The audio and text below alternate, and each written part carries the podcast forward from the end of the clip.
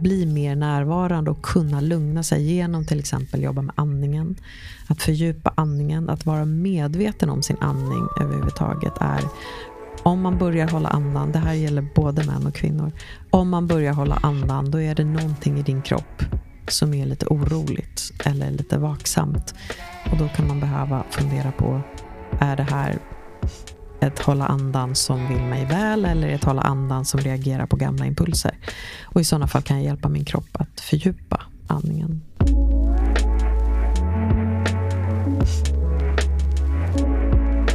Du lyssnar på podcasten Perspektiv. Det här är ett rum för dig som längtar efter att komma hem, djupare in i dig själv och i din egen sanning. Det här är ett rum för dig som längtar efter att fördjupa relationen till dig själv och till andra människor. Mitt namn är Madeleine Mofjärd och i det här rummet bjuder jag in dig till samtal som på olika sätt rör den mänskliga upplevelsen och jag, jag är här för att lyfta nya perspektiv.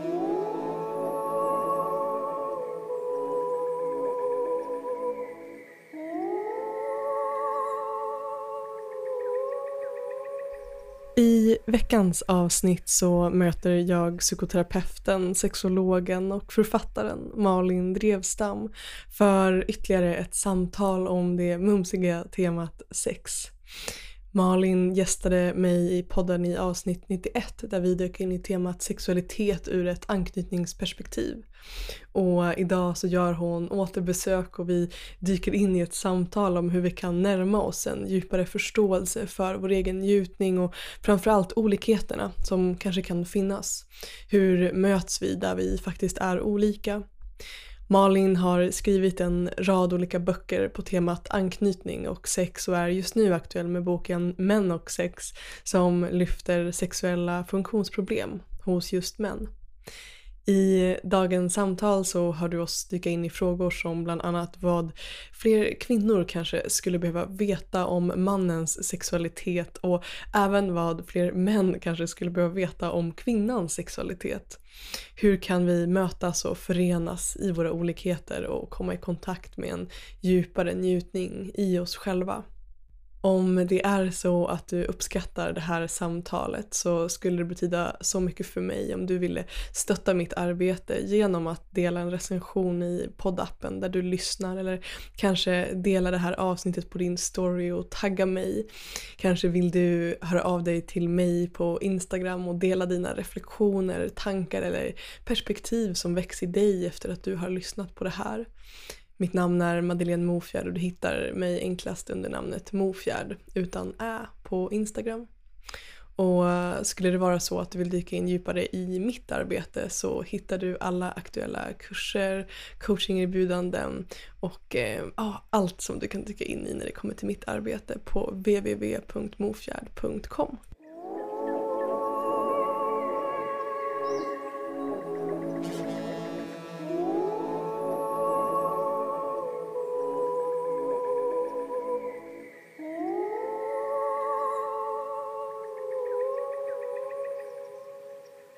Malin Drevstam. Jajamän, Madeleine. Välkommen tillbaka. Tack så mycket. Tänk vad fort tiden har gått. Ja. Sitter i samma stol som för två år sedan. Ja, det är helt fantastiskt. Men vi mm. är en person mindre i den här studion. Mm. Lite det. mer utrymme. Mm. ja, du gästade podden i avsnitt nummer 91. Mm. Och eh, vi pratade då om sexualitet i relation till anknytning. Mm. Och vi hade då också med oss min kära sambo Peter mm. Nilsson. Ja, och idag är vi här, bara du och jag. Mm. Och det känns så fint. Jag märker här när vi satte på play att jag blev lite fnissig. Mm. Och så här, det här känns kul. Hur många poddavsnitt har du haft sen? Ja, nu är det väl inne på över 140 Oj, i alla fall. Ja. Eh, om jag minns Rutinerad rätt. Mm, så det har mm. hänt en del sen, mm. sen sist. Så. Uh, och jag tänker att uh, idag ska vi fortsätta prata om sexualitet mm. och kanske utifrån en annan vinkel, kanske utifrån en liknande vinkel. Men jag vill också säga det till dig som lyssnar att om det är så att du är nyfiken på att dyka djupare i just anknytning och sexualitet så avsnitt 91, där finns det mycket att också hämta hem mm. i form av perspektiv. Mm. Um, men innan vi dyker in i dagens samtal Malin, mm. hur, hur mår du idag? Hur är det att vara Malin och hur mår ditt hjärta? Det är väldigt bra faktiskt. Jag har en ledighet bakom mig. Jag märker hur otroligt eh, glad jag blir av solen. Det får mig verkligen känna så här, gud nu är jag redo för 2024. Eh, jag har lite grann undrat var energin ska finnas som jag behöver för 2024. Men den, den kom. Jag är märkligt väderberoende eller solberoende. Och idag är det strålande sol. Så jag är på så sätt väldigt taggad och känner mig energisk, men jag är också lite vinter i det. Lite allmänt lägre energinivå. Mm. Så det bara slår mig när jag hör dig dela det att eh, jag, jag, tänker den här perioden av året, när vi sitter här nu så är det den 9 januari, så är precis i början av det mm. nya året. När det här släpps har det väl gått några veckor kanske. Mm. Eh, men just det här att det just nu är mycket fokus på att så här, ja, men kliva in i 2024 med ny mm. energi och vi ska sätta intentioner. Och, vi ska, så här, och så såg jag en post om det på Instagram att eh, det är liksom inte intuitivt normalt eller sunt eller i linje med vart vi är just nu att ha fokus på eh, visioner, Nej. intentioner. Mm. Vi kanske snarare ska vara i våra liksom, bubblor, kokonger mm. som du säger, många av oss upplever en lägre energi. Ja, jag hörde någon som sa att vårdagjämningen egentligen borde vara det nya nyåret. Förstår ja. man? Jag är ofta faktiskt, jag är en sån som har lite lägre energi på våren. Alltså det, jag har en stark vilja och en stark kreativitet med mycket lägre energi. Så jag kan hamna i lite vårstress. Nu ska allting hända på en gång lite grann. Så eh, höstarna är ofta mycket mer taggad att göra någonting. Men hösten är så kort, den går så fort. Liksom, så. Mm.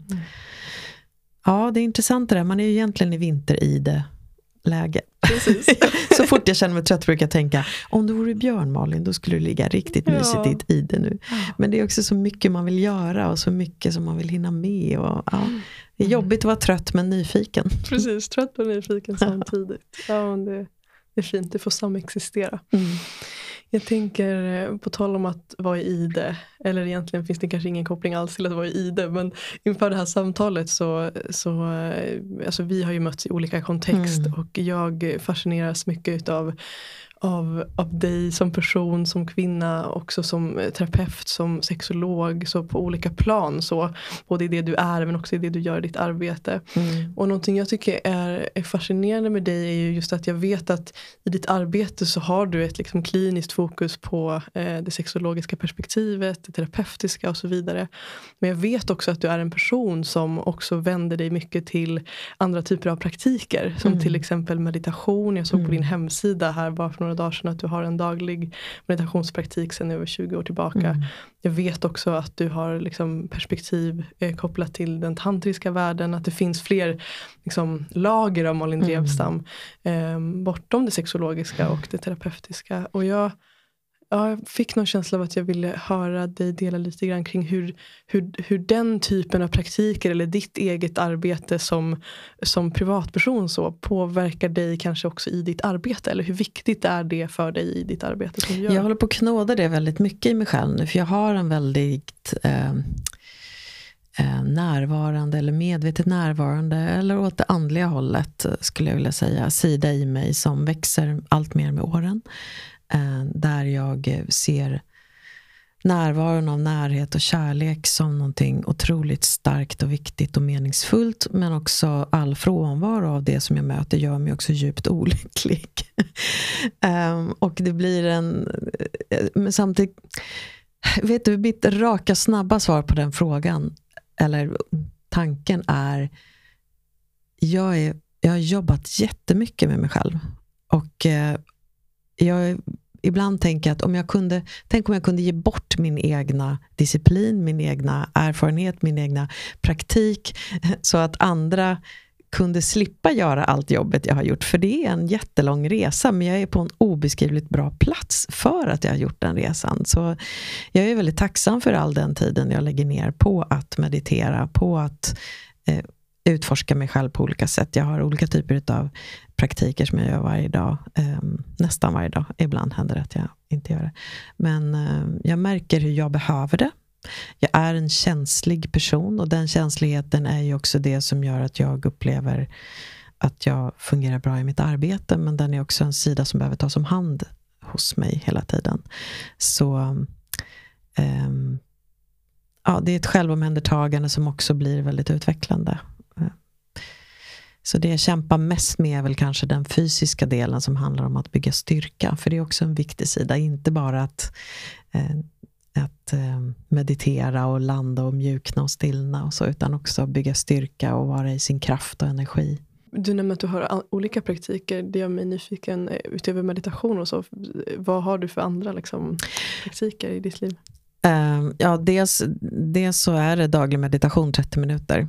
Oftast gör jag det halv sex på morgonen, men om det är helg så kanske jag gör en annan tidpunkt på dagen, för då kanske jag tar lite sovmorgon. Um, sen flödesskriver jag flera gånger i veckan, inte varje dag om jag har en tidig morgon. Uh, och jag har alltid en, en bok som jag läser av någon typ av lite mer spirituell karaktär som jag utforskar för tillfället. Det kan handla bara om en bok om meditation helt enkelt, eller en bok om kreativitet, eller en bok om uh, existensen på olika sätt.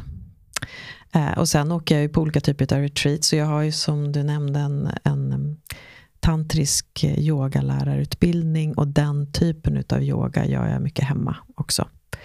Eh, som är en väldigt stillsam form av yoga, absolut. Motsatsen till ashtanga kan man säga. Mm.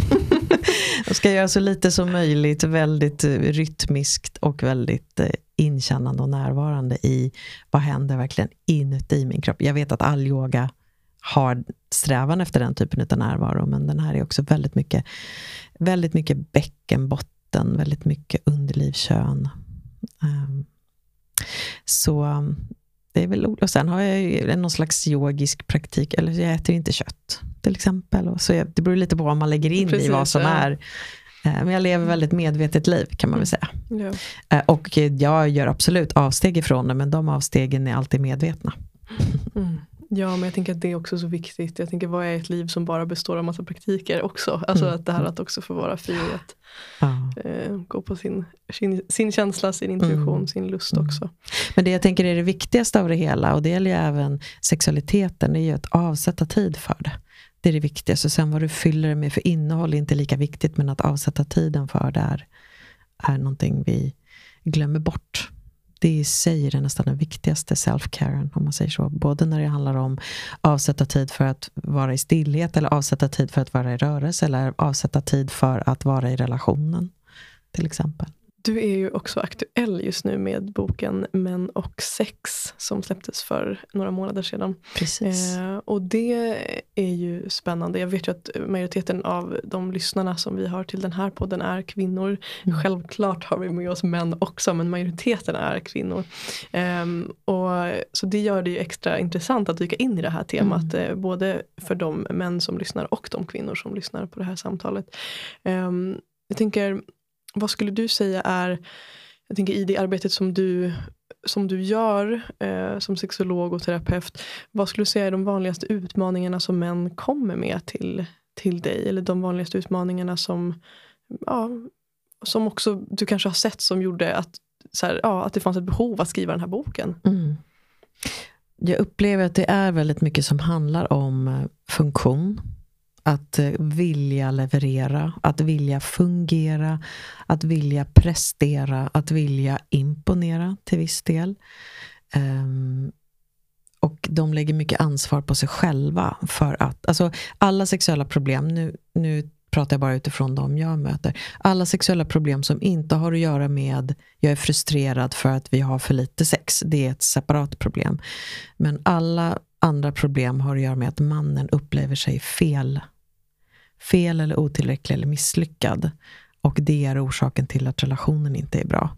Eller till att personen inte vågar ge sig ut och dejta och leta relationer till exempel. För att de är rädda för att det ska avslöjas att de inte är tillräckliga helt enkelt. Så det är ju, om vi säger att eh, även om män nu för tiden tänker väldigt mycket på sina utseenden och så, så tänker jag att, att många kvinnor döms ju mycket ut efter sitt utseende. Det upptar kvinnors otroligt mycket tid utav kvinnor, eh, kvinnors tid att, att tänka på och åtgärda utseendet på olika sätt. Eh, och motsvarigheten är ju liksom lite grann funktionen för män. Att, att fungera så bra att någon tycker att de är åtråvärd, helt enkelt. Jag hör hur du separerar utmaningen att, eh, att, att människor kanske upplever att de har för lite sex i en relation. Eller mm. kanske inte ens i en relation utan oavsett vad för konstellation. Så, eh, av vilken anledning blir det liksom ett eget problem? Därför är... att eh, i de fallen där en man söker för att vi har för lite sex eller ett, ett par söker. Det kan vara ett homosexuellt par eller ett heterosexuellt par. Eh, där, en, där mannen upplever eller en av männen upplever att de får för lite sex, då är det ju inte funktionen eller att de känner sig otillräckliga, utan de tycker att det de har funkar, eller det de gör funkar. De bara får det för lite helt enkelt. Och då handlar det om eh, snarare en upplevelse av att eh, eh vill du verkligen ha mig så mycket som jag vill ha dig? Eller varför är du inte så Eh, imponerad av mig? Eller varför åtrår du mig inte så mycket som jag skulle vilja känna mig åtrådd? Eh, och då är det, så, att det, undertiteln på boken den heter ju Män och sex, om lust, funktion och relation. Och det är liksom lite tre separata områden kan man säga. Där lusten eh, kan finnas och kännas hög, men det finns ingen som bemöter den på något sätt. Men lusten kan ju också vara låg för att min funktion. Att för mig är, för om man tänker sig, för mig blir sex ångestfyllt, riskfyllt, eller risk för misslyckande, då är ju inte det lusthöjande i förlängningen. Utan de männen får ju också ofta problem med sexlusten. Hänger du med? Absolut. Mm. Men jag tänker också att det måste vara så mycket olika tänker emotionella och psykologiska faktorer mm. också som spelar in. Verkligen, för det finns ju män, och, och det här gäller ju också kvinnor som har utmaningar i sexlivet, men det finns ju män som har funkat utmärkt med en partner, men som tycker det blir jättesvårt med nästa partner. Och då är det ju oftast av någon slags relationell eh, karaktär som utmaningen är, om det inte har hänt någonting med funktionen däremellan. Att man har gått in i stress som gör att lusten dämpas eller att man har varit med om något trauma eller blivit sjuk eller någonting sånt. För det kan ju också påverka. Men funkar det bra med en person eller funkar det bra med egen hand, funktionen, men det funkar inte med en partner, då är det oftast av psykologisk och relationell karaktär. Mm. Det man behöver jobba med. Jag tycker det är intressant det här med, med, med sexlust, just den, det temat. Um, för jag upplever också att vi lever i en, ett liksom system, ett samhälle där väldigt mycket saker går väldigt fort. Och mm. väldigt, många, väldigt många upplever en hög stressnivå. Och det vet jag själv bara, de, de faserna jag upplever att jag lever ett ganska stressfritt liv på många sätt om jag jämför med hur många, många andra mm. lever. så Men det är klart att jag också upplever stress. Och i de faserna där jag har mer stress i mitt liv så är det väldigt tydligt för mig att min sexlust blir mindre. Mm. Det, är liksom, det är inte rocket science, mm. det, det, är bara så det är. Mm. Liksom. Mm. Och där tänker jag att det måste vara ett det blir någonstans i mig så men det är inte konstigt att många människor upplever en mindre sexlust. Liksom. Mm. Um.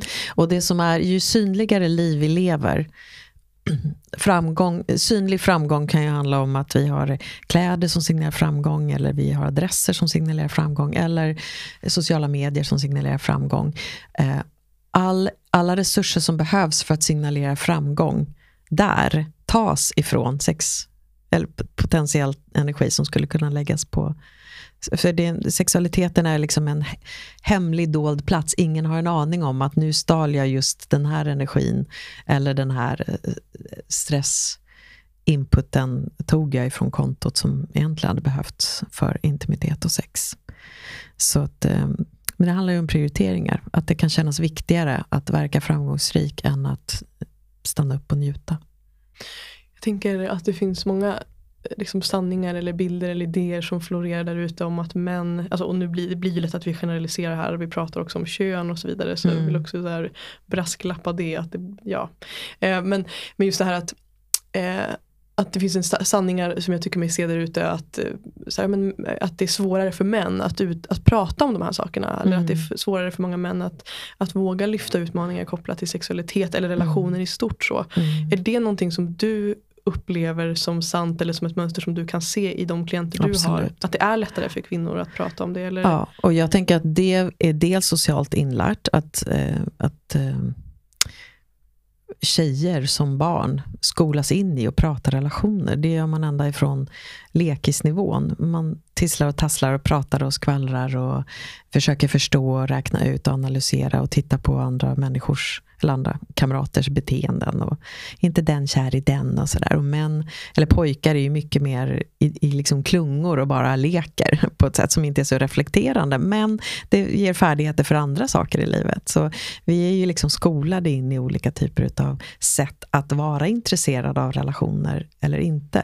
Och eh, tjejer ägnar mycket tid att prata om hur de mår och dela hur de mår. Och då är det större sannolikhet att även sexlivet, det är långt ifrån gäller alla, men det är mycket vanligare har jag i alla fall. Att, och det kan till och med bli ett problem, för att när jag då har ett par eller en man i samtal som säger jag vet att min tjej pratar jättemycket sex med sina kompisar. Därför vill inte jag prata om mig med henne. För jag är rädd att hon kommer att dela det med sina vänner. Och de i sin tur kommer att prata med sina partners. Och, så det är liksom, det kan bromsa män ibland att prata om sex på det sättet som de skulle behöva kanske i relationen. Men män är mycket mindre benägna. Dels också för att det finns liksom en, för många män en ganska tuff jargong. Att blottar jag mig så, så kommer jag bli sårbar och signalera svaghet och då kommer det, det bli hugg direkt. Det, just sexualiteten är en sån, det är en sån um, um, konkurrensfaktor bilden av hur sexuellt kompetent eller förmögen eller erfaren man är, är en, ganska stor valuta i många mäns sammanhang. Mm. Ja, det är jätteintressant det här du delar också om att många män är rädda för att dela till sina pa sin partner. Och det mm. vet jag också att du skrev om i boken och när jag läste den och, och läste de raderna där du beskriver just det och mm. du tar också upp ett exempel, nu vet jag inte exakt eh, det exakta exemplet men just det här när någon man som du berättar om i boken som upplever eh, om det var erektionsproblem eller vad det nu var och, eh, eller snabb utlösning, jag minns inte men just det här att hur mottagandet blev från den kvinnliga partnern liksom, att totalt skammande, mm. nästan förnedrande mm. och det, det det chockerade mig att läsa det och även det här att, att många män inte vågar berätta för sina kvinnor. Mm. Vad, liksom, jag tänker det, för mig blir det en sån brist på integritet också. Alltså, kan jag inte lita på min partner, vad, vad har vi då? Liksom? Mm. Um, så det, det, är väldigt sorgligt. så. Uh, det är det. Ibland så, om man tänker sig att de reaktionerna som har varit hos de kvinnorna i exemplen, att, och då tänker jag så här att det skulle inte förvåna mig, jag har inte träffat de kvinnorna i de här fallen, men det skulle inte förvåna mig om det också är en väldig rädsla hos kvinnan. Och nej, vad betyder det här att min man inte funkar? Vad kommer det betyda i förlängningen? Så att det hinner liksom bli en anknytningsoro i, i kvinnorna som gör att de reptilreagerar, eller verkligen reagerar med automatik på ett sätt som blir otroligt okonstruktivt och negativt för den manliga partnern. Då. Så det är, eh, men ibland tror jag också att det är, jag tycker att media överhuvudtaget, alltså jag kan bli galen på alla dessa alla dessa eh, kvinnliga musikartister som ålar sig och kråmar sig och spelar på sin sexighet hela tiden. Och sen står upp och säger att de är feminister. För att det blir det enda de... Alltså, jag kan till exempel säga Sara Larsson. Ja. ja, men hon liksom skriver I want you to ruin my life. Mm. Och det kanske ska få vara konstnärlig frihet och det kanske står för någonting annat. Men vi matas ju med budskap om hur män ska vara tuffa och, och styrande och ställande i, i populärkulturen. Samtidigt som vi vill ha män som är inkännande, reflekterande, medvetna. Det är otroligt komplext att vara man. Det är jättekomplext att vara kvinna också. Men det är inte lätt att vara man och navigera i, i att få vara sårbar och stå för osäkerhet till exempel. En sexuellt osäker man är inte särskilt hög rang i samhället och bland många kvinnor. Mm. Oh, jag tänker det finns så himla mycket stories och eh, normer och mm. eh, saker att leva upp till. Att det mm. sätter så mycket käppar i hjulet för oss att verkligen mm. få komma till, till kärnan. Och jag tänker det här också som du är inne på att det är komplext att vara kvinna, det är komplext att vara man. Jag upplever också att det finns så mycket sår mellan män och kvinnor om vi nu bara totalt generaliserar mm. könen emellan.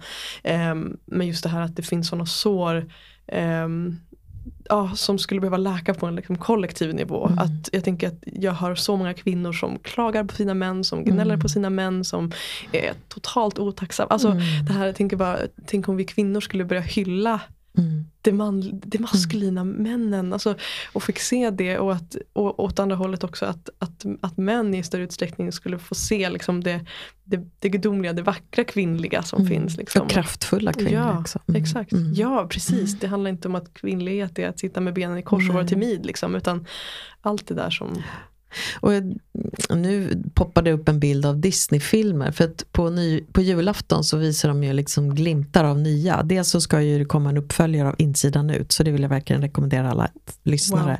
Har man inte sett Insidan ut Pixar-film, tecknad film om känslor så är den så himla bra.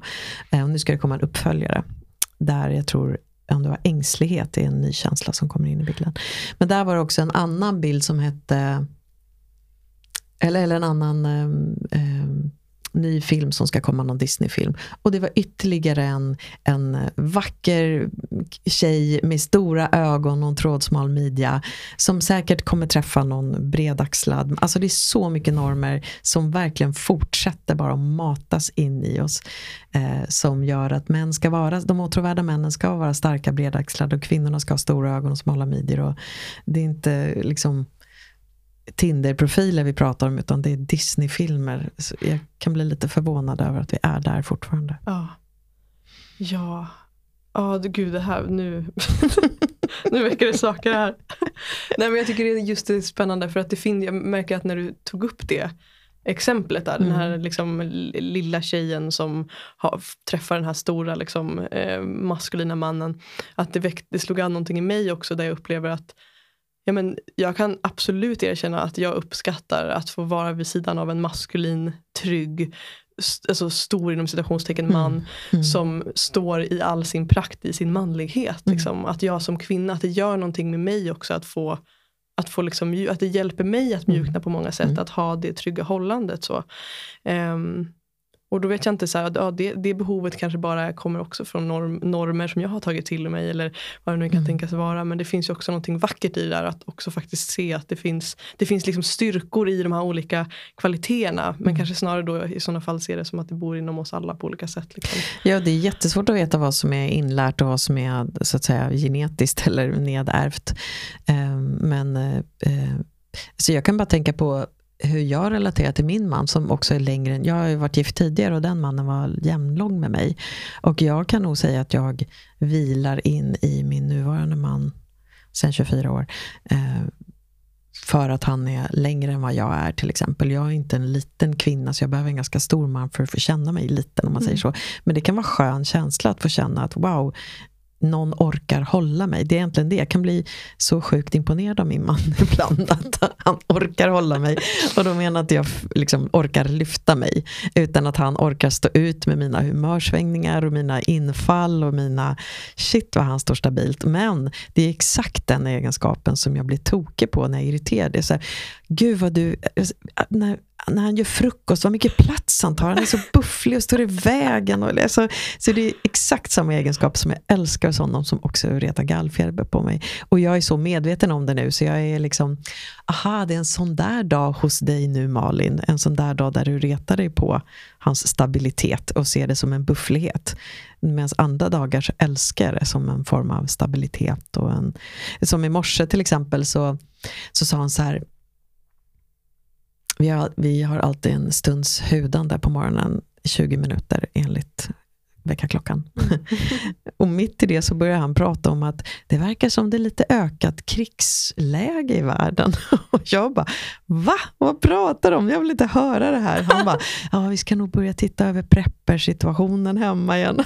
och då kan jag en del av mig tänka så här, gud vad han tar ansvar och tänker och ska skydda och hålla och det är ju jättefint. Samtidigt som jag tycker att han, jag vill ju, vi skulle ha en gosig stund, ja. jag vill inte prata om krig då. Så det blir också, uh, jag blir imponerad av honom samtidigt som jag blir också, nej bjud inte in prat om krig i vårt sovrum, jag vill inte ha det där. Och, Ja, jag vet, nu vet jag inte vad jag sitter och babblar om, men det var en liten insyn ja, ja. i min morgon.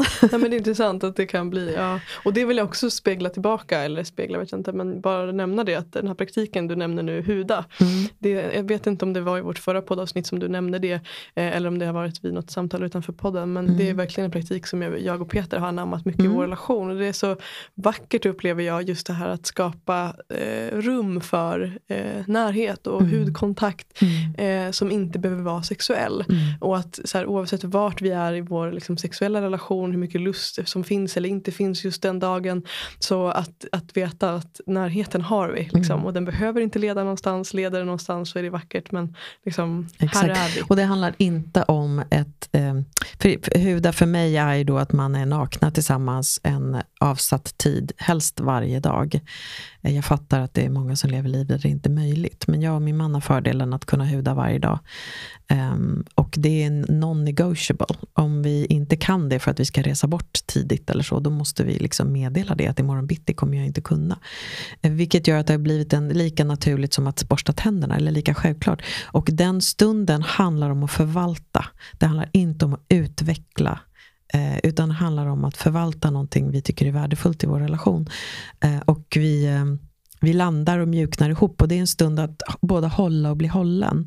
Så Eh, vissa månader så är det jag som är lilla skeden och blir hållen. Och andra månader är det han som är lilla skeden och blir hållen. För att han behöver lite mer kli eller smek eller hållande bara helt enkelt. Och vi älskar den praktiken. Vi har hållit på i decennier med den nu. Och det skulle jag säga är där, om jag skulle plocka ut en enskild framgångsfaktor som gör att vi är vansinnigt förälskade i varandra efter 24 år så är det det faktiskt. Längtar du efter att fördjupa din relation till dig själv och till andra människor?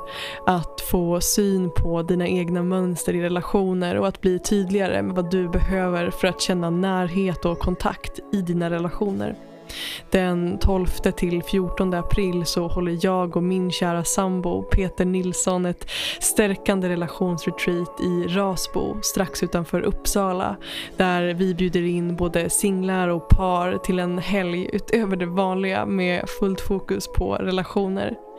Tidigare deltagare beskriver upplevelsen som djupt transformerande och stärkande Kanske är det din tur att få uppleva den resan i dig själv nu. Boka din plats via goingdeeper.se eller via länken i beskrivningen till det här avsnittet.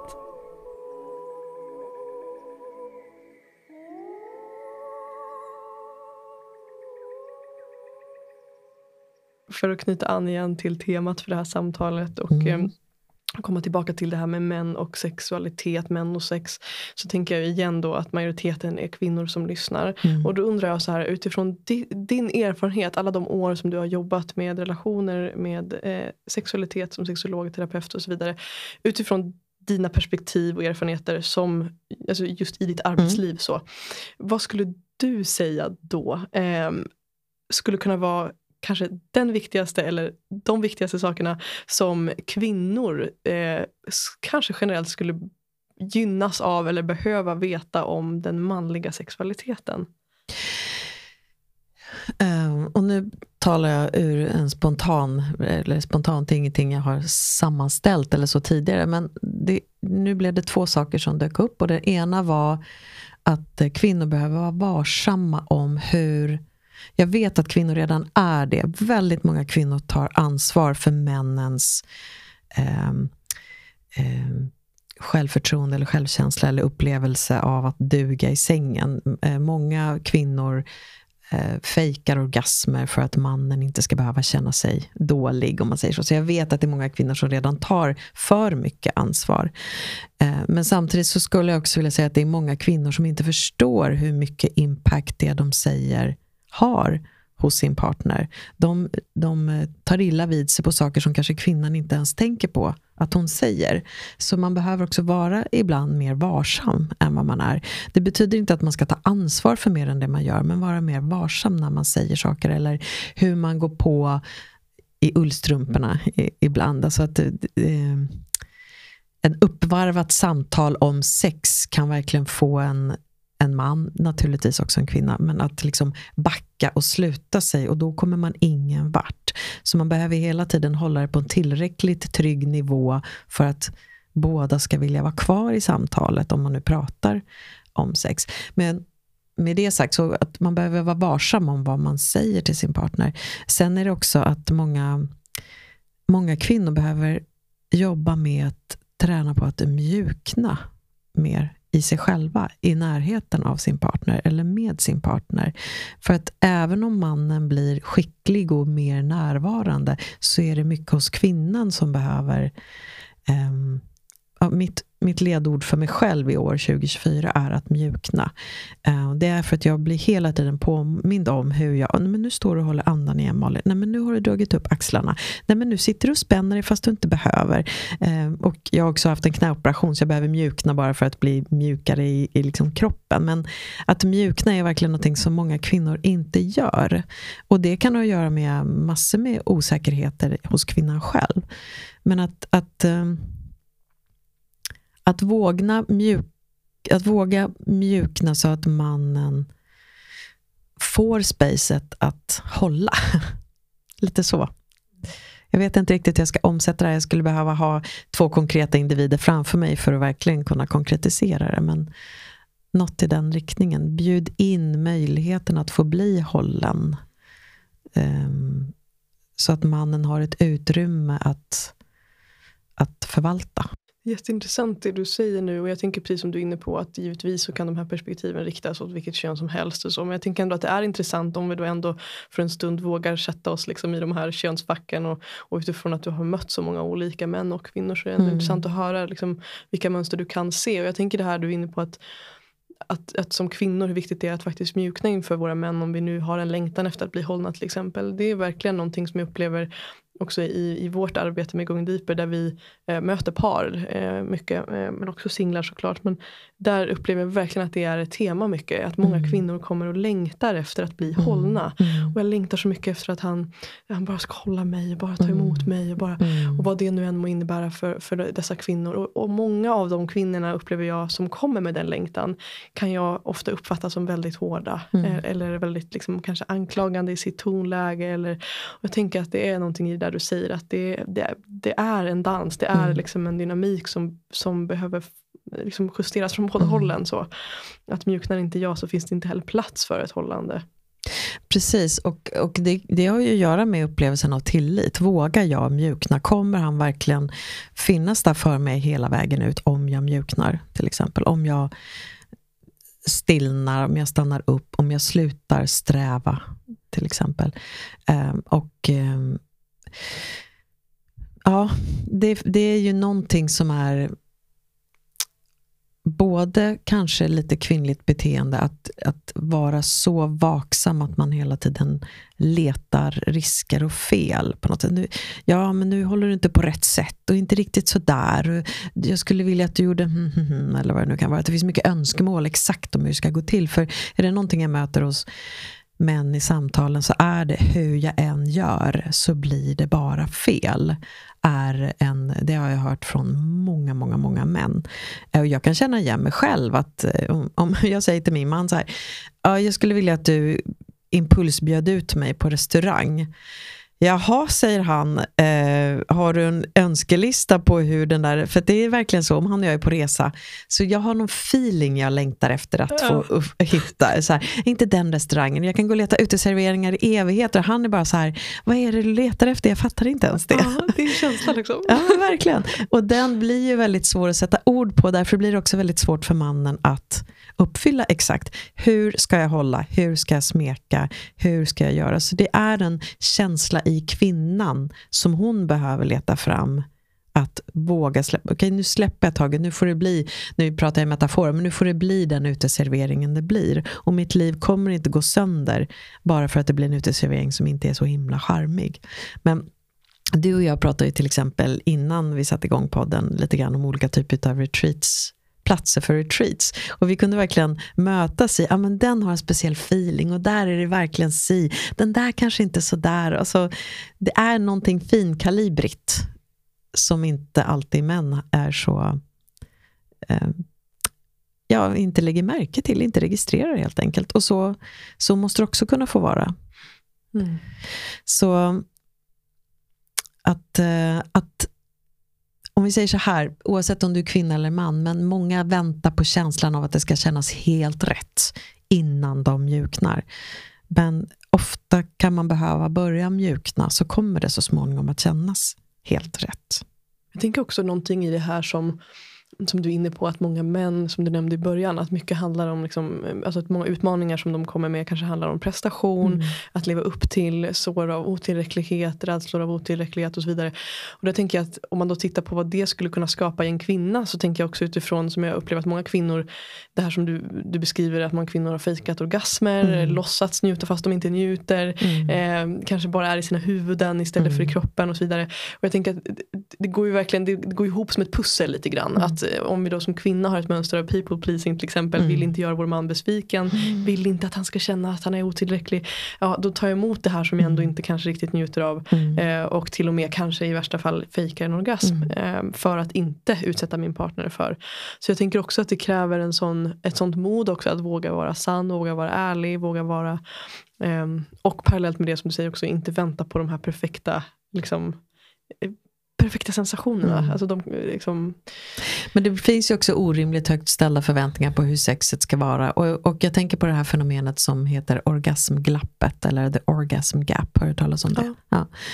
Och eh, där det är 30% utav heterosexuella kvinnor har inte upplevt orgasm vid senaste sexet, medan eh, Eh, det bara är 5% av männen som inte upplevt det, enligt amerikanska studier. Faktiskt är de svenska siffrorna lite bättre. Eh, men Eh, det är också många kvinnor som rapporterar att det inte är jätteviktigt för dem att, att få orgasm. Så man får ju titta på, är det verkligen viktigt att få en orgasm hela tiden? Och en man som eh, vill se sin kvinna njuta vill ju gärna se att det blir en orgasm i slutet. Men där behöver också kvinnan träna sig i att säga jag har det jätteskönt men jag tror inte att det kommer leda hela vägen till orgasm och det är okej för mig. Och då måste mannen också förstå att den nivån av njutning som kvinnan har haft räcker. Det. det. är liksom good enough. Det behöver inte vara mer än så. Eller så får kvinnan börja guida. Jag tror att jag skulle behöva lite sånt här istället. Eller det skulle vara värdefullt för mig om du ville. Mm, mm, mm. Alltså instruera lite mer. Men väldigt många är ju tysta när det kommer till sex. Och det finns ingen kommunikation. Ehm, även hos kvinnor som, eh, som kanske har någon idé om vad de skulle vilja. Men så kommer det ändå inte ut över läpparna. Men jag har också haft kvinnor i samtal som säger, jag talar ju om för min man vad jag tycker om. Jag behöver lite massage på nackarna eller en bra start är att massera mina fötter eller vad det nu kan vara. Börja ännu tidigare på dagen, att eh, fråga om man ska handla på vägen hem till exempel.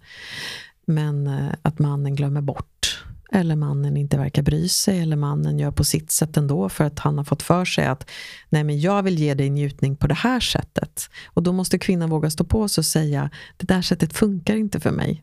Jag förstår att du vill, se mig njuta, men då behöver vi göra på det här sättet. Så det är verkligen inte lätt. Jag förstår hur många kämpar med att... att vi orkar liksom. Ja, men, alltså, jag tänker så här, ja, ett vanligt ord in, som vi sexologer använder oss av är att vi måste kommunicera mera. Eh, och det kan man göra både med kroppsspråk och med andning och så. Men för att kommunikationen ska nå fram så måste ju båda parter vara väldigt närvarande. Så att man lägger märke till kommunikationen. För det är inte alltid så att ord är det bästa. Utan om den personen som njuter, om båda gör det eller om det är en som är i fokus, om den personen bjussar på lite så det är en typisk signal om att nu har jag det bra. Det är ju en väldigt tydlig signal, men då behöver ju också den manliga partnern, eller partnern överlag, bara lägga märke till att oh, nu skedde en utandning, nu skedde en suck, nu verkar min partner vara på en bra plats. Men det är också många som inte vet om att det är ett tecken på välbehag och njutning att en person suckar. Utan en person kanske tolkar det som, jaha, är det uttråkad nu eller? så den kanske vill, alltså vi kan ju, ja, det finns ju många idéer om hur njutning ska låta, hur njutning ska se ut och eh, hur njutning är. Mm. Jag tänker också av, av egen erfarenhet, eh, just det här att som du är inne på, att till exempel ljuda eller att röra kroppen, mm. att liksom själv vara med. Att inte mm. bara så här, ja nu ska min partner utföra massa uh, konsttrick här på mig. Nej men liksom att mm. det blir den här bilden av att vi kvinnor bara ska vara mottagare men att vilken del har jag också i min egen njutning så, och i mitt mottagande. Mm. Och där tänker jag att som du säger att, att ljuda eller sucka eller stöna eller vad vi nu vill kalla det mm. kan dels fylla funktionen av som du är inne på att visa för eh, min partner att ja men nu är det faktiskt, du gör någonting bra här. Liksom Liksom. Mm. Eh, men också för min egen kropp, mitt mm, eget verkligen. system. Ja, också. det förstärker verkligen upplevelsen. Mm. Det finns ett franskt ord som heter savoring som är väldigt fint när det gäller det. Att, att fördjupa och förstärka det som pågår genom att röra kroppen så som kroppen reflexmässigt vill röra sig. Eh, att ljuda, eh, att andas på det sätt som kroppen behöver i stunden. Ehm, men jag tänker också att jag har stött på män, apropå att vilja vara skickliga eller vilja prestera och leverera, som upplever, nu till exempel smeker jag kvinnans vagina djupt in i vaginan väldigt skönt. Och sen börjar hon rulla med höfterna och då förlorar jag ju det jag just, alltså nu blev det rörigt, nu, jag hade ju hittat den magiska punkten till exempel. och så blir det så här, nej vad händer nu, nu blir det för mycket information, hur ska jag förhålla mig till det här nu då? Så det, det är ju hela tiden ett samspel som är väldigt delikat på många sätt. Men det är också väldigt fint och jag tänker att det är det som blir nästan lite som en andlig aspekt av det. Att när båda två är så närvarande att de kan lägga märke till de små skiftningarna i rörelser eller i upplevelsen eller i njutningen. Eh, då är det en dedikerad stund av närvaro som blir någonting större och någonting mer än bara ett sex som ska genomföras. Så det är ju i min värld väldigt eftersträvansvärt, men det beror ju på vad man har för ingångar. Och jag jobbar ju inte specifikt med, eh, med eh, tantrisk form av sex i min kliniska verksamhet, utan jag jobbar ju med personer som eh, upplever sexuella problem och närmar mig dem lite mer utifrån eh, olika typer av behandlingar helt enkelt. Eh, men det tantriska är ju verkligen ett spår som jag försöker ha vid sidan om. Och det tantriska är ju det medvetet närvarande. Så det är ju otroligt viktigt i alla former av sexuella utmaningar att vara närvarande och medveten om det man gör. Ehm, men det är många som har en bild av att sex ska bara organiskt hända. Det är inget man medvetet väljer att göra, utan det är en, ett agerande som sker på en impuls. Men i min värld är det sexet, alltså jag läste en bok som heter eh, Konsten att älska och i den så stod det Konsten att lära sig älska utan känslor. Och först när jag läste den meningen så tänkte jag, vad menar den här författaren egentligen? Han heter Barry Long och jag har fått den av en kompis, Bea. Um, det, jag håller på att smälta den boken och det är vissa saker som jag jag tycker är intressanta och vissa saker som, jag inte riktigt har, som inte riktigt har landat i mig. Men just det här att älska utan känslor, vad menar egentligen författaren med det? Och det jag tycker var så fint är att det handlar om att älska utan begär. Att älska för att vara närvarande och utforska, inte för att åtgärda eller hämta hem eller erövra eller förföra, utan vara i två kroppars njutning. Jag tycker att det, det finns, fanns något väldigt intressant i det som jag kommer mm. Intressant perspektiv. Ja. Jag håller med dig om att det finns något motstånd eh, även i mig där. Bara liksom rubriken där. Eller, eh, intressant. Men, och, mm. Det jag tycker är intressant med den är, för om vi pratar om det här med att huda tidigare. Huda för mig är ju ingenting som ska ske för att vi fick en impuls. Eller jag känner att du är så omotståndlig älskade partner. Att jag kan inte låta bli att huda med dig nu. Utan huda gör vi på avsatt tid. Vi infinner oss på platsen och vi får det gjort. Och det är det som är praktiken. Det är det som är um, det vackra. Vi dedikerar oss till det. Vi agerar inte på det för att vi fick en impuls, utan vi medvetet avsätter utrymme för det. Det är det som är det långsiktigt hållbara, tänker jag. Och det är ju lite grann så. Jag gör det inte för att jag fick känslan att göra det, utan jag gör det för att jag tycker det är viktigt att göra det. Ja, men den där är också intressant, tänker jag. att Om man tittar på liksom, eh, den här fasen som många kanske knappt tar sig igenom i en relation i början. Vi dejtar, vi, liksom allting är nytt, sprakande. Då kanske det är den här upplevelsen av att ja, men, den andra är så omotståndlig att vi kan mm. inte vara ifrån varandra. Liksom. Men sen när vi går in djupare i relationen, åren går liksom. Och sen någonstans där så ja, antingen tar man sig igenom den fasen eller så gör man inte det. Liksom. Mm. Och där tänker jag att det finns något fint i det där att som du säger att faktiskt kunna prioritera Mm. eh, sexuella möten, inti, intima stunder. Att det är ingenting fel att så här, men, nu prioriterar vi det här för att det här är viktigt för Exakt. oss. Det måste inte vara så att jag kommer in genom dörren och inte kan hålla mig från att kasta mig över dig. Ibland Den är så, typen, av, ibland, ja, men den typen av sex är inte långsiktigt hållbar. Utan det är ju se- sexet som, som eh, vi hedrar helt enkelt. Inte agerar på. Eh, utan hedrar, avsätter tid och utrymme för. Och det vi kommer till när vi förstår att om vi avsätter och prioriterar sex och eh, då kommer ett sexuellt självförtroende utvecklas. Och när ett par har ett sexuellt självförtroende, då vet de att om vi bara har rätt förutsättningar, då blir sex bra. Alltså behöver vi jobba på att skapa förutsättningarna för att det ska bli bra. Medan eh, par som är lite mer kanske omogna eller eh, inte kommit till den lite mer stabila fasen, de är lite mer så här, var är de där impulserna som ska göra oss kåta? Och så känner man att det är omgivningen eller förutsättningarna som styr huruvida det kommer bli sex eller inte. Och inte vårt medvetna prioriterande. Men det är också det är verkligen två typer utav sex. Enjoy the ride om man är attraherad och förälskad. Men sen behöver man förstå att den typen av sex är inte den typen utav sex som långa relationer eh, mår bra av. Eh, det kommer sällan vara fungerande att vänta på impulserna. Men ju mer man avsätter tid för sex och ju mer man lever sitt liv för att skapa rätt förutsättningar, desto oftare kan ändå de här impuls, wow, nu vill jag ha dig. De känslorna dyker upp oftare om man har någon slags grundputtrande i grytan. precis, det är inte en helt tom, tom bägare. Liksom. Nej. Och jag tänker det tar mig också in på, jag hörde dig nämna tidigare något exempel där någon kvinna hade uttryckt att ja, men, eh, när du ringer på vägen hem från jobbet och frågar om ja, vad det nu var, eh, att, att en uppbyggnad kring ett, ett sexuellt eller intimt möte för en kvinna då kanske kan vara, pågå en hel dag eller en hel Mm. vecka eller en Mm. hel liksom, en, en vardag så eller vad man ska säga. Eh, och det tar mig då in på om vi då ska vända på den här frågan som jag ställde eh, för en liten stund sedan Mm. kopplat till om vi då tänker vad utifrån då din erfarenhet som terapeut och sexolog och de mönster du har sett i de klienter du möter. Vad skulle du säga att det vore bra om fler eh, män visste om kvinnans sexualitet och njutning? Eh, det spontana som dyker upp nu, apropå det du pratar om, att, eh, att kvinnans lust kanske börjar mycket tidigare än med första smekningen. Det är att eh, om män kunde träna på att bli bättre på att ge komplimanger.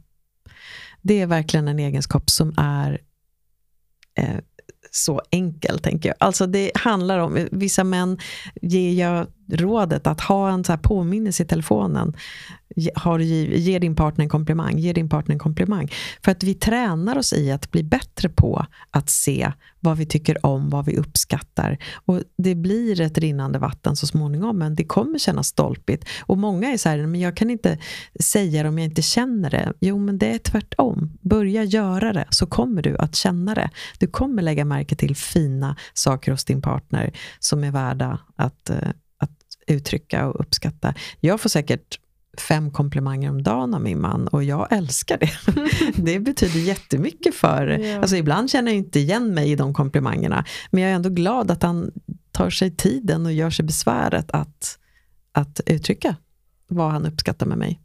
Och eh, där skulle jag nog till, säga till min egen nackdel, höll jag på att säga, att jag kämpar lite mer med att vara generös med komplimanger i hans riktning faktiskt. Um, så att jag förstår verkligen personer som inte tycker att det kommer lätt. Men det är viktigt och värdefullt. Och om du då är en person, en kvinna som får komplimanger, så är det också värdefullt att låta dem landa i en. Att inte skjuta bort dem eller bortse från dem, utan se dem som en verklig eh, ett, ett exempel på ett engagemang.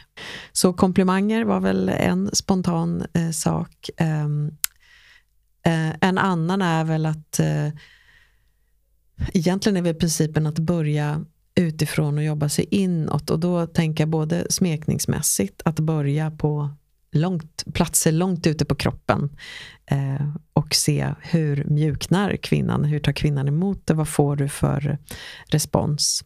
För att sen, alltså inte gå så målinriktat in på en klitoris till exempel. Var är knappen?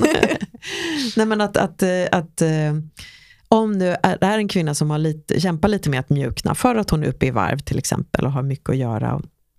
Hon kanske behöver vaggas, hållas, eh, känna värmen, få verkligen jobba med att slappna av i sig själv och inte känna att någon är på gång då hela tiden och ska driva saken vidare utan vila in i lusten.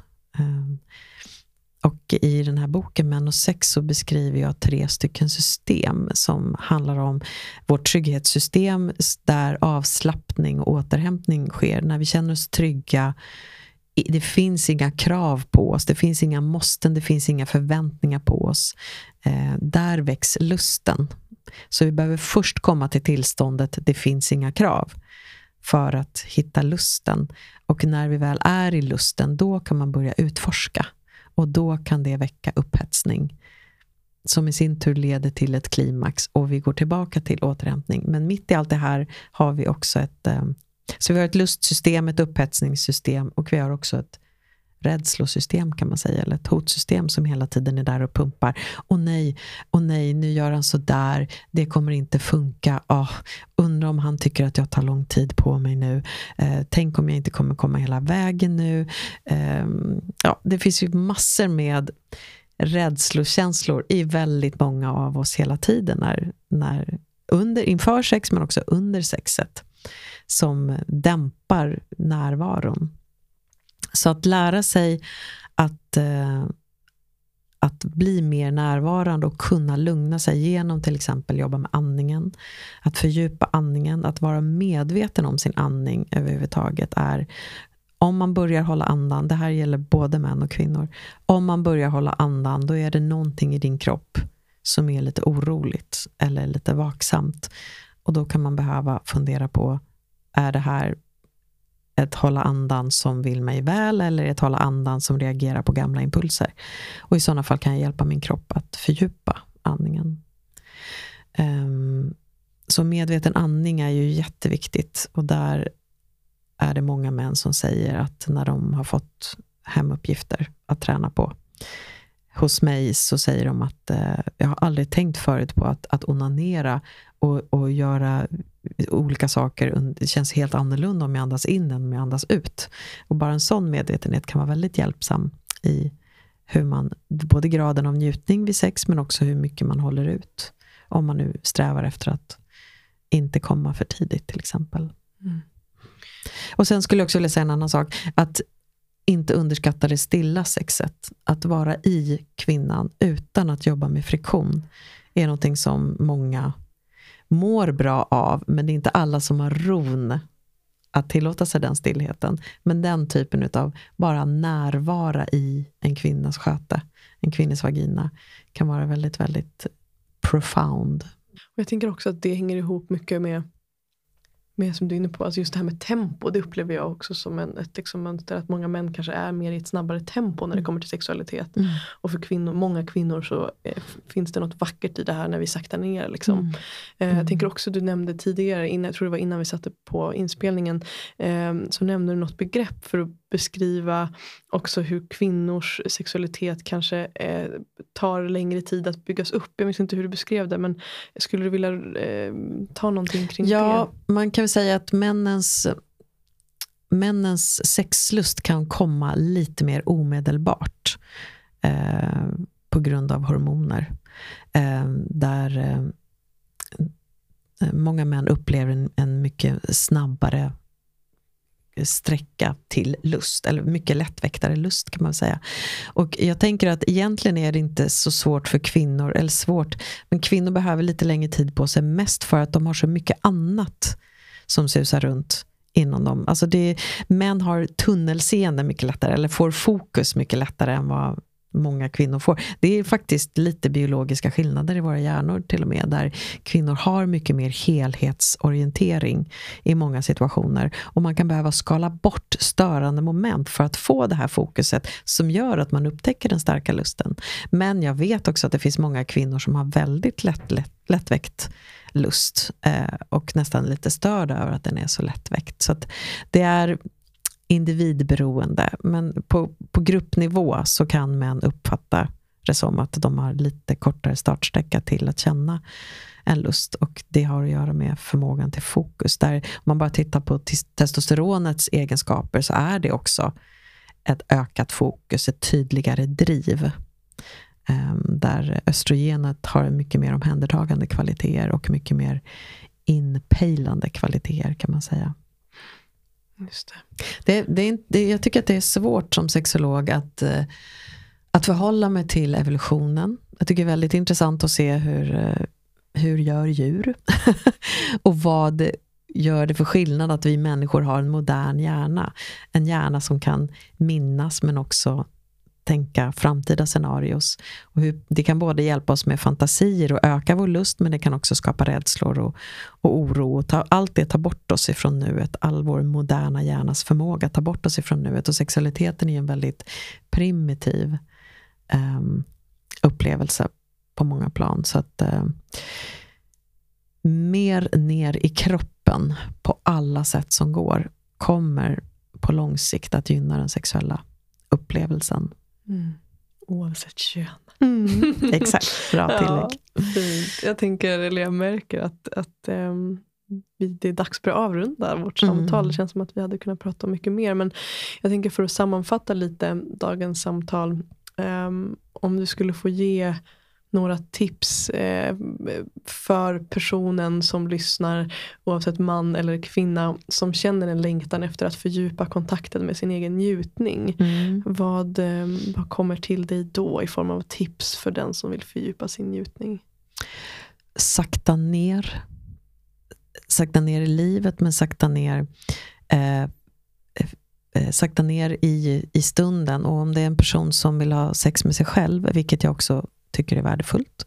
Att utforska sig själv på det sättet. Att lägga märke till hur kan jag bölja med vågor av upphetsning och hur kan jag låta dem sjunka och hur kan jag plocka upp den vågen av upphetsning. Att inte gå från A till Ö på snabbast effektiva sätt. För det är någonting som jag upplever lite grann att många jagar en effektiv orgasm.